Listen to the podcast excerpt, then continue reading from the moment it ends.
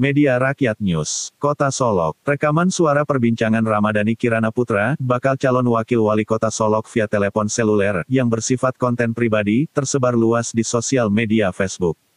Perbincangan yang sempat viral itu, berisi perbincangan Dani Sapaan Ramadhani dengan seorang perempuan yang cukup dikenal di kota beras Serambi Madinah, yang juga ikut diupload di jejaring YouTube. Banyak pihak menilai rekaman yang sengaja diupload melalui jejaring YouTube, yang masif juga disebar di tengah-tengah masyarakat, diduga kuat sebagai bentuk black campaign atau kampanye hitam, buntut majunya Ramadhani dalam pilkada di kota tersebut. Politisi muda Partai Golkar yang ditengarai sudah mengundur diri dari partai berlambang beringin itu, saat ini maju mendampingi sang petahana Zul Elfian.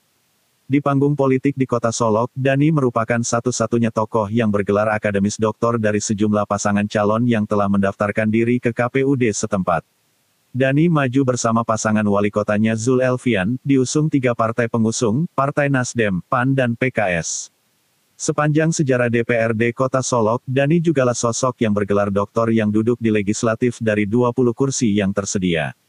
Sosok muda peraih suara terbanyak setiap kali pemilu tersebut, meninggalkan sisa jabatannya sebagai anggota legislatif di sisa periode yang kedua, untuk maju bersama Zul Elfian.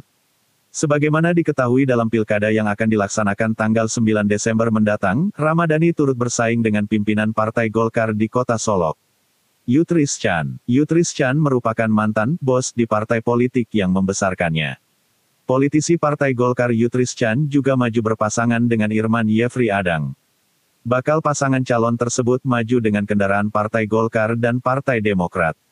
Selain dengannya, bakal pasangan calon Zul Elfian dan Ramadhani Kirana Putra di pilkada mendatang, juga berhadapan dengan dua pasangan calon lainnya. Dua bakal pasangan calon lainnya yaitu Reinir dan Andri Maren, Ismail Koto, Edi Chandra. Setidaknya ada empat pasangan calon yang berpeluang bersaing sebelum ditetapkan sebagai calon oleh KPU. Spirit Muda RDKP, dalam perjuangan pemenangan Zul Elfian dan Ramadhani yang diwakili, Denta, Doli dan kawan-kawan, menanggapi maraknya kampanye hitam kepada pasangan yang mereka dukung, menyebutkan fokus berjuang dalam garis lurus tanpa kampanye hitam.